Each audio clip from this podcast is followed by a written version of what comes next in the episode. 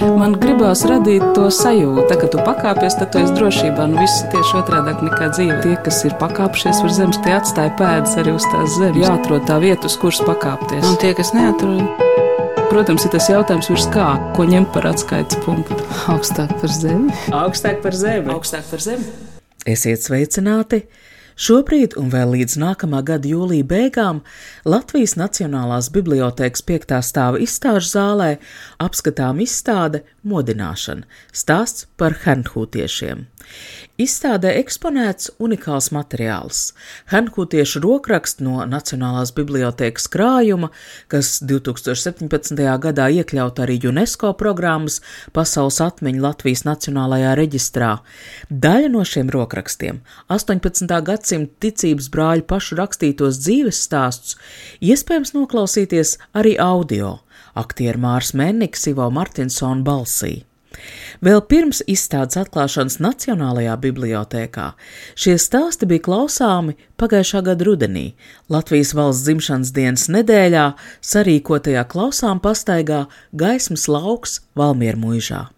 Piedāvājam raidījuma atkārtojumā atsaukt atmiņā pagājušā rudens notikums, kā arī ieklausīties Valmieras apkaimē darbojošos hernhūtiešu dzīves stāstos.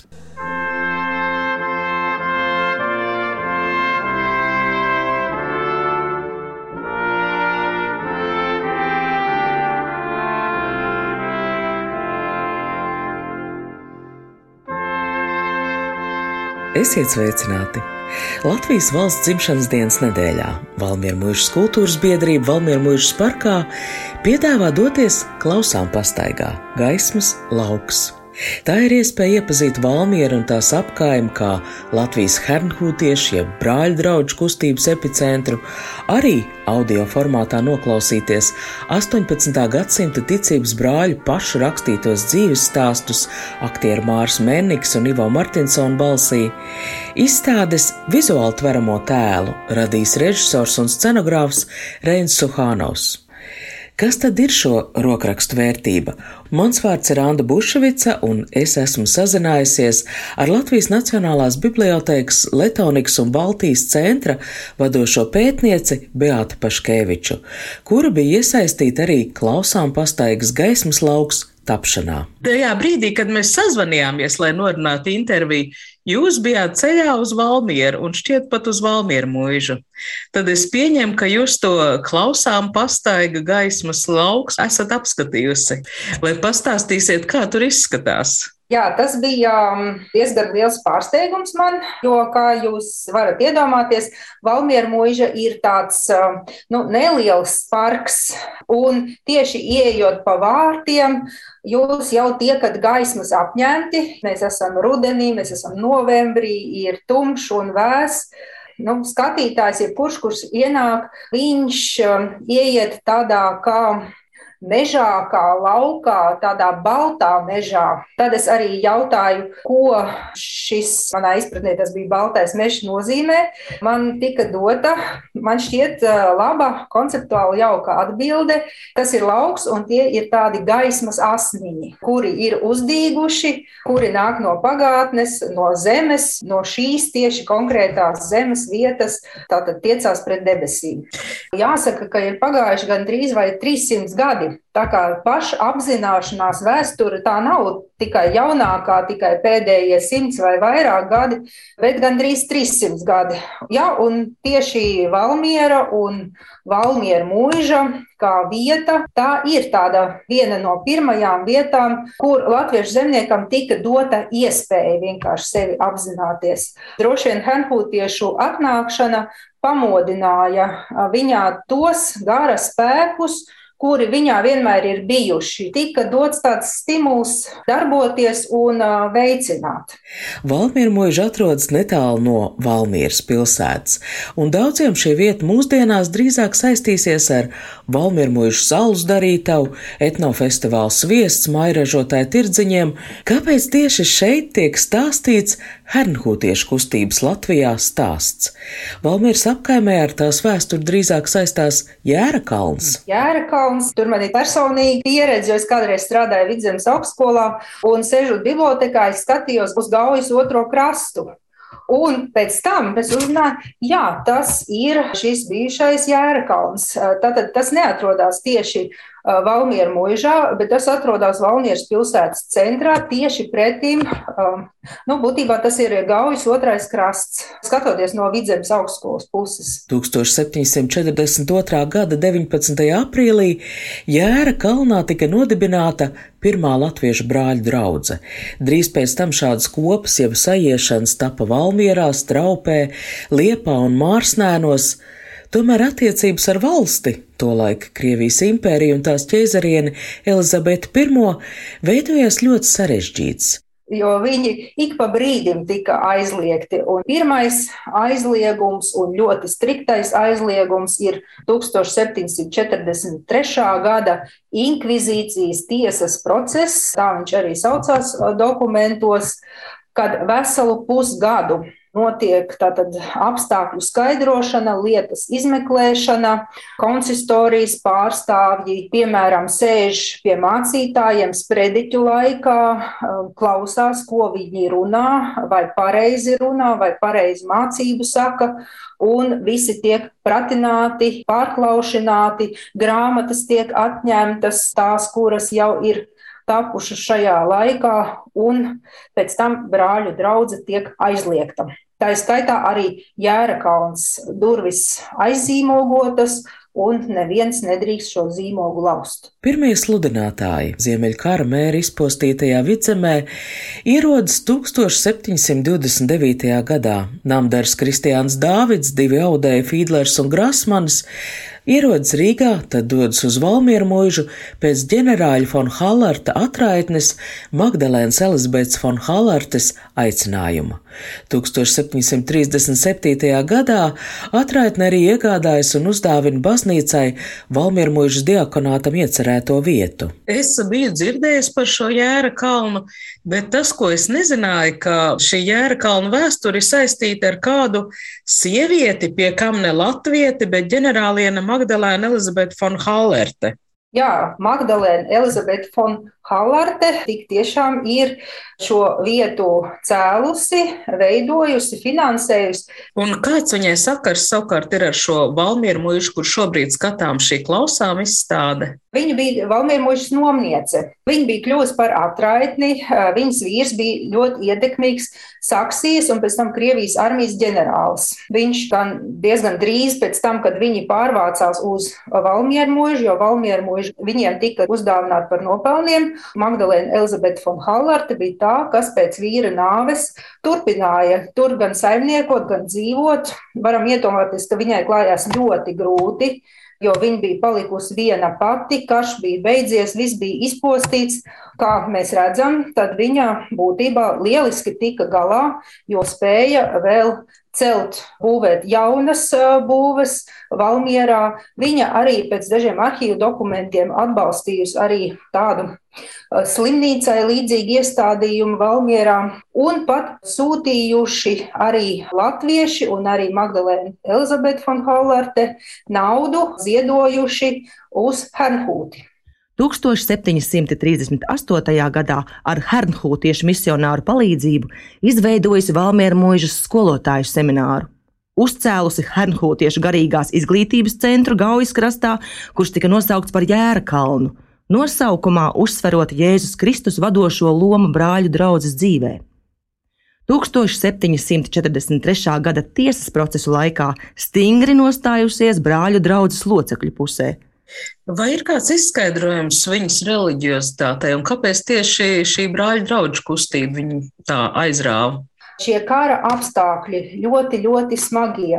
Visa viņas dzīve, arī jaunība, mērs piedzīvotais, tas veicināja viņas reliģiozitāti, jo viņa, mēs zinām, ka zaudēja divus savus mazos bērniņus 710. gada mērī. Mēs arī zinām, ka dieva tuvums, diemžēl, bieži arī izpaužās lielās bēdās. Vēlāk no aplenktās Rīgas, jau kā precējusies dāma devās uz Drēzi Dresdeni, jo viņas vīrs bija ģenerālis, sakšu galmā pie augusta stiprā, augstā stāvoklī, augstā dienesta pakāpē. Viņai bija jādodas viņam līdzi, un tur no Dresdenes nav tālu jābrauc līdz Hallei. Un Hallē darbojās Augusts Hermans Franke, kurš tagad ir pazīstams, protams, visā Vācijā, visā Eiropā, kā viens no bāreņu namu dibinātājiem. Tātad viņš deva iespēju dzīvot un izglītoties, arī ārstēja bērnus, kuri ir zaudējuši vecākus. Hallarte draudzējās ar Augustu Hermanu Franki, brauca pie viņiem ciemos, arī ziedoja naudu šim Halles bāreņu namam. Tā viņa pieauga savā ticībā. Magdalēna Elizabete von Hallarte bija pirmais un vissvētīgākais brāļu sarūpētās lielās vidzemes atmodas instruments. Viņa bija dzimusī Bīlava no vidzemes, kurai jau no jaunības gadiem bija dziļš dieva piedzīvojums, kam viņa bija nemainīgi uzticīga. Tas viņai deva brīvību rīkoties pēc sava prāta un sirdsapziņas, ne tikai neatkarīgi no sava laulātā ģenerāļa von Hallarta, bet arī pat no Dresdenes galma. Pēc tam, kad pats ķēniņš veltīgi bija mēģinājis viņu pierunāt uz ko citu. Vīrieši, tā laika vīrieši, ir rakstījuši, ka viņa nu gan ir ļoti augsti mācīta dāma un gudrāka par dažu labu teologu. Pēdējos dzīves gadus pavadījusi Valmiera mūžā. Daudziem par izbrīnu viņai jau vairākus gadus bija medicīniski sarežģījumi, un tā kā viņa pat vairākas stundas bijusi bez samaņas, viņas kambarī allaž bija lietošanai gatavs zārks. Neilgi pirms nāves pie Magdalēnas Elizabetes bija ienākuši brālis Brīnings un Pēters Hesse un dziedājuši dažus pantus, par ko viņa priecādamās situsi plaukstas, ar pateicību pieminējusi un atminējusi brāļu un māsu mīlestību un uzticību. Mūžībā Magdalēna Elizabete von Hallarte tika aizsaukta 67 gadu vecumā. Vispār ārkārtīgi interesants šis dzīves stāsts, ko mēs varam noklausīties, tās klausām pastaigas ierakstā, bet šis ir vienīgais stāsts, kas nav rakstīts pirmajā personā, kur ir tā kā par viņu vairāk. Jā, nu, Magdalēna Elizabete von Hallata man ir īpaši mīļa jau vairākus gadus. Tāds klusais eh, sapnis, klusā cerība, bet ļoti, ļoti arī sarežģīts darbs ir uzrakstīt monogrāfiju par viņu. Tādēļ, protams, es biju ļoti priecīga. Man bija iespēja būt unitātes arhīvā Hernhūtē, tas ir brāļu draugs arhīvs. Hanhūtē, skatoties sarakstos, ieraudzīju, ka ir arī Magdalēna Elizabete von Hallarte. Hallartes dzīves stāsts, protams, tas ir pilnīgi jauns, manis atrasts un iztulkots, vēl es pat teicu, nerediģēts, jo tikai es esmu darbojusies ar šo tekstu. Pēc tradīcijas Hanhūtieši paši rakstīja savus autobiogrāfijas. Protams, tas vairāk notika tad, kad jau viņi bija mūža otrajā pusē, un, teiksim, jau nu, vai slīdni, tomēr sajūta, ka katra stundiņa viņiem šai dzīvē vēl dārga. Tādēļ rakstīja. Tad, kad šie cilvēki nomira, tad um, tie, kas bija viņus pazinuši, tie pierakstīja kādas rindiņas, kādā nāvē viņi ir nomiruši, cik veci viņi ir bijuši, kad nomiruši, vai kādas dziesmas dziedātas. Uh, Magdalēnas Elizabetes von Hallards dzīves stāsts uh, šķiet šeit ir tomēr brāļu rakstīts. Tas ir dzīves stāsts par viņu. Viņa nav rakstījusi šīs rindas. Jūs runājat par tradīciju. Tas bija tā kā viens no šīs garīgās kalpošanas tādiem uzdevumiem. Kāpēc tika mudināti cilvēki pierakstīt savas dzīves, domāt par tām? Cilvēki pierakstīja uh, savus dzīves stāstus, jo bija liela nepieciešamība pastāstīt par to, kā viņi ir piedzīvojuši Dievu kas ir atgadījies ar viņiem, viņu vairāk tieši ticības ceļā, nevis kādā savu personisko sarežģījumu sakarā. Lūk, vēl viens no Latvijas hernhūtiešu dzīves stāstiem - aktieru Ivo Martinsona lasījumā. Mani vecāki mani nodeva pie kāda kalēja, lai es pie tā izmācos kalēja amatā. Bet te man atgadījās tā nelaime. Gabals nokarsētas dzelzs uzkrita uz kājas, tā radot man nedziedināmu vāti. Pēc tam, kad es sešus gadus biju pavadījis pie sava meistara un savu nemieru puslīdz piemirsis, ģenerālis Hallards mani paņēma uz mūžu. Pēc viņa nāves viņa laulātā draudzene sev turēja labus mājas mācītājus, kas arī ko zināja no tā mīļā pestītāja, un es atkal domāju par savu pamodināšanu. 1736. gadā māceklis Grasmanis atnāca šī zemē un ieradās arī Valmieras mūžā. Man bija tik labi, kad es viņu redzēju, it kā es redzētu pašu pestītāju. Es viņu sastapu uz lielceļa. Viņš mani laipni sveicināja, sniedzot man arī savu roku. Raudādams es aizgāju mājās un nespēju izprast, kā gan šis dieva vīrs mani grēcinieku un samaitātu cilvēku vēl varēja mīļot. Pēc tam nu es daudz reiz raudāju savas dvēseles pestīšanas labad. Jā, Ķīša Pēters ir īpaša persona šīs vēstures sakarā, jo viņš tiek uzskatīts par pirmo modināto latvieti. Un, piemēram, viņš arī tiek minēts kronikā, kuras arī esmu atradusi unitātes arhīvā, kā cilvēks, kurš kopā ar dažiem vāciešiem ir piedalījušies Jēra kalna pamatakmens likšanas rituālā. Viņš ir bijis arī skolotājs, latviešu valodas skolotājs eh, šiem eh, vācu brāļiem, kuri atbrauca uz vidzemi un, protams, neprata latviešu valodu, bet, eh, kā var saprast, tad viņš ir bijis labs skolotājs, jo diezgan ātri viņi iemācījās šo valodu. Tad nu notikās tas, kad es savā kaltuvē stāvēju un lūdzu, ak, mīļais, pestītājs kaut tu man parādītos. Tanī acu mirklī Manā kaltuvē ieradās brālis Buntebārds, sveicināja mani laipni un prasīja, kā nu tev klājas. Kā tu jūties? Viņš redzēja manu apjukumu un sacīja: Mīļais pestītājs nācis grēciniekus saukt atgriezties, bet ne dievbijīgos. Ar grēciniekiem viņš ir pie viena galda sēdies, un ar viņu brāļu draugu rokraksti iekļauti arī UNESCO programmas Pasaules atmiņa Latvijas Nacionālajā reģistrā. 2017. gadā tika iekļauti Latvijas Nacionālajā bibliotēkā glabātie rokraksti, taču pavisam nesen šī gada oktobrī reģistru papildināja vienības no Rakstniecības un mūzikas muzeja krājuma. Arī Rakstniecības un mūzikas muzeja mājaslapā var iepazīt, piemēram, Dukuļa Pētera autobiogrāfiju. Te atrodams pētījums, kā brāļa draugs darbošanās atspoguļot Jāņa Poruku stāstā. Beāts Paškevičs darba vieta ir Latvijas Nacionālā bibliotēka, tāpēc viņu es lūdzu raksturot tieši šo krājumu, kurā vispirmām kārtām jau pārsteidz glabāto rokrakstu skaits. Jā, vairāk nekā 400, nu jau būs 500, jo mēs esam saņēmuši arī ļoti jaukus dāvinājumus, šo to atraduši, iegādājuši, un arī vēl jau visi rokraksti nav apzināti. Jā, šis dokumentu klāsts ir plašs, Varbūt pastāstiet mazliet vairāk, kas glabājās, kādi nu, tīri žanriski ir šie rokraksti. Visvairāk mums ir svētrunas. Tie ir tādi sprediķi, hanpūtiešos tos sauc par svētrunām, par katru no baznīcas gada svētku dienām.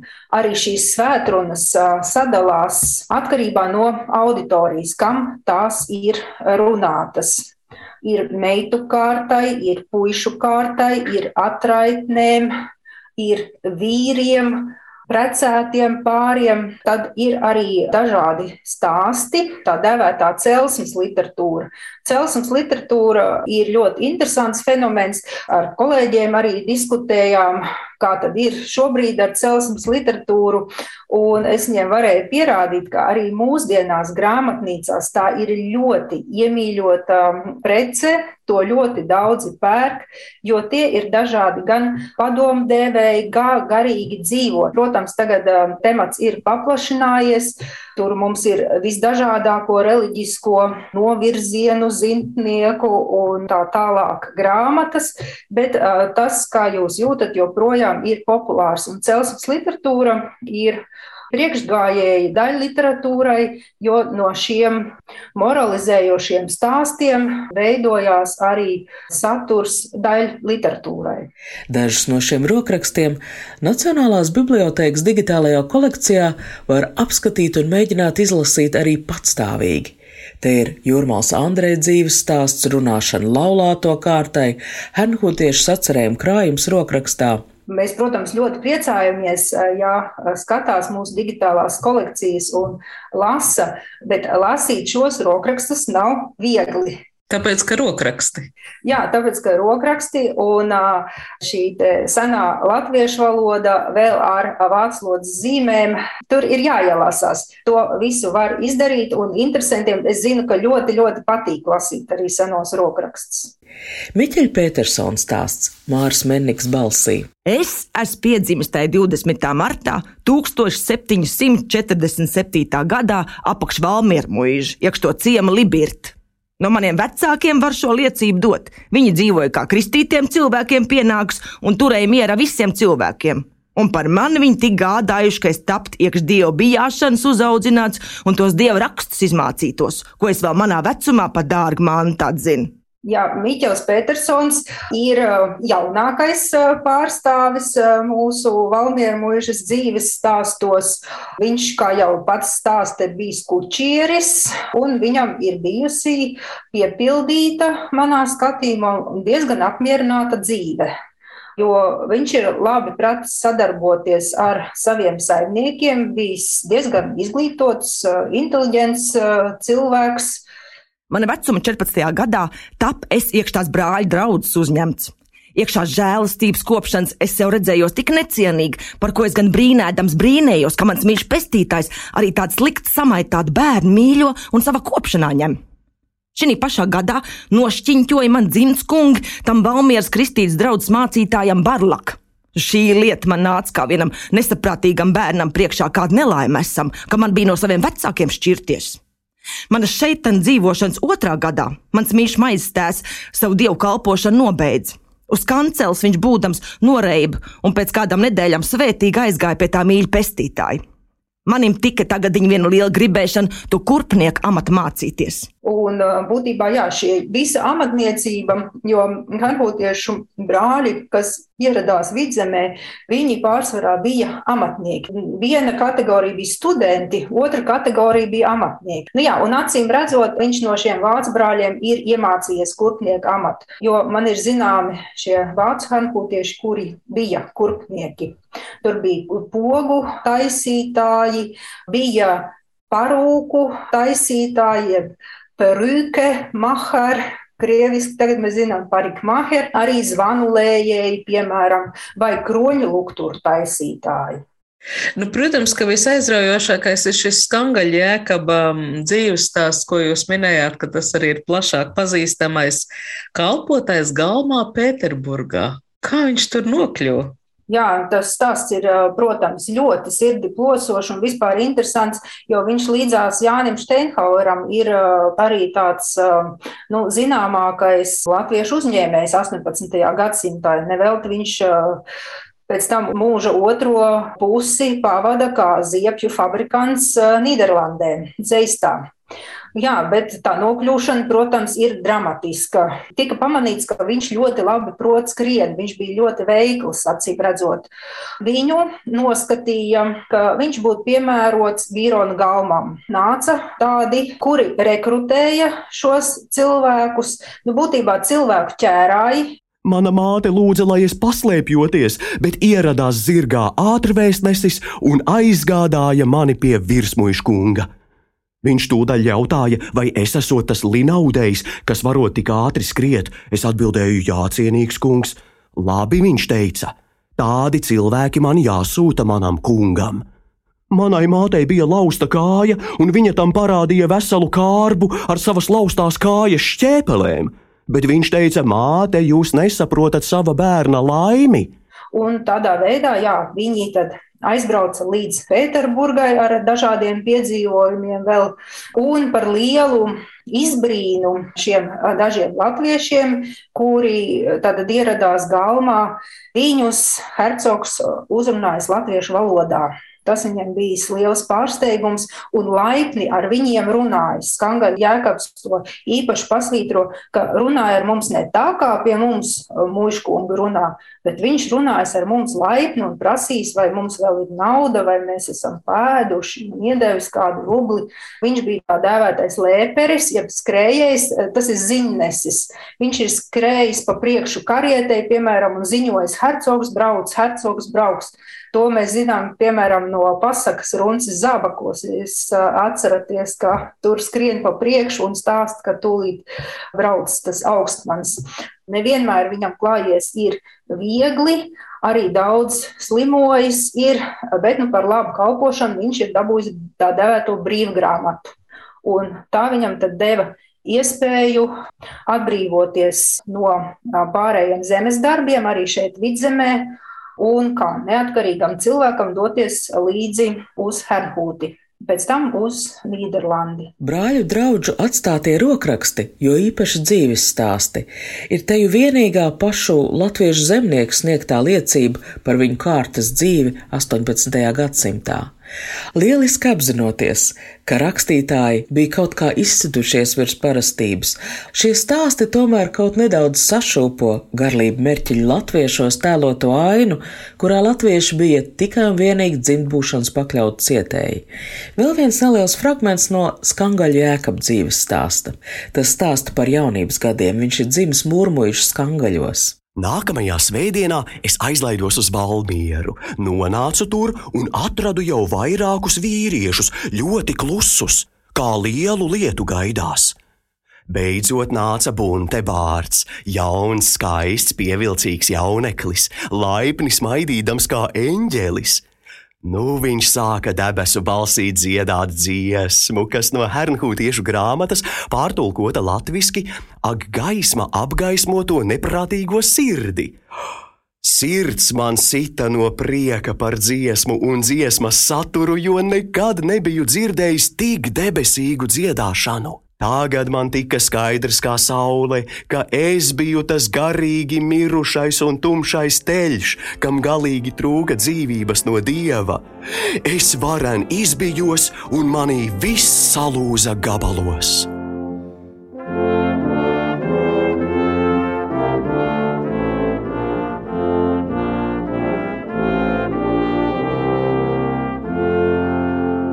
Tieši sākuma posmā ir eh, ļoti liels radošums, eh, kurš eh, parādās brāļu draudzes darbības sakarā, jo tās ir tātad runāšanas, šo sprediķu teikšanas, daudz vispār tādas iedvesmojošas darbības, muzicēšana, arī dzējoļu sacerēšana.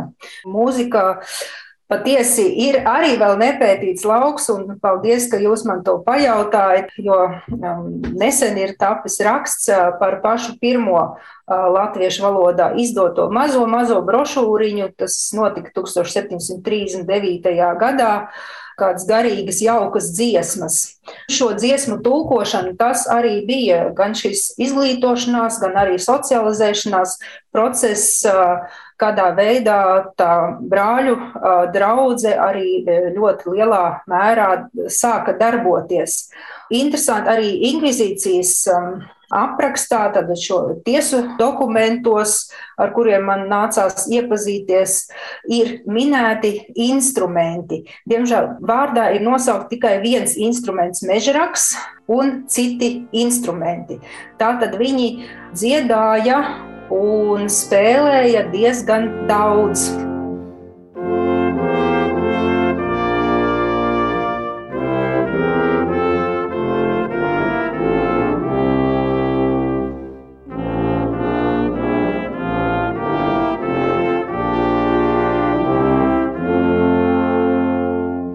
Mana sarunbiedra šai raidījumā bija Hernhūtiešu kustības Latvijā pētniece Beata Paškeviča. Brāļu draugu tiecība būt gaismā, būt kā brāļiem un māsām, būt saistītiem ar ko lielāku par vienu cilvēku dzīves nīcīgumu, bija latviešiem pirmā pieredze tam, ko jau ar citu pašapziņu mēs svinam šajās dienās - valsts gribu un ideālo Latviju. Nosvinēt šo sajūtu novēl šī raidījuma veidotāji, ar jums sarunājās Anta Bušvica, raidījuma skaņoperators Valdis Raitums. Tā kā tu pakāpies, tad tu esi drošībā. Nu, viss ir tieši otrādi nekā dzīve. Tas ir tā spēle, jā. Tie, kas ir pakāpšies virs zemes, tie atstāja pēdas arī uz tās zemes. Protams, ir tas jautājums, ko ņemt par atskaites punktu. Nē, nu, principā ir skaidrs, augstāk par zemi. Jāatrod tā vieta, uz kuras pakāpties. Augstāk par zemi. Augstāk par zemi. Augstāk par zemi.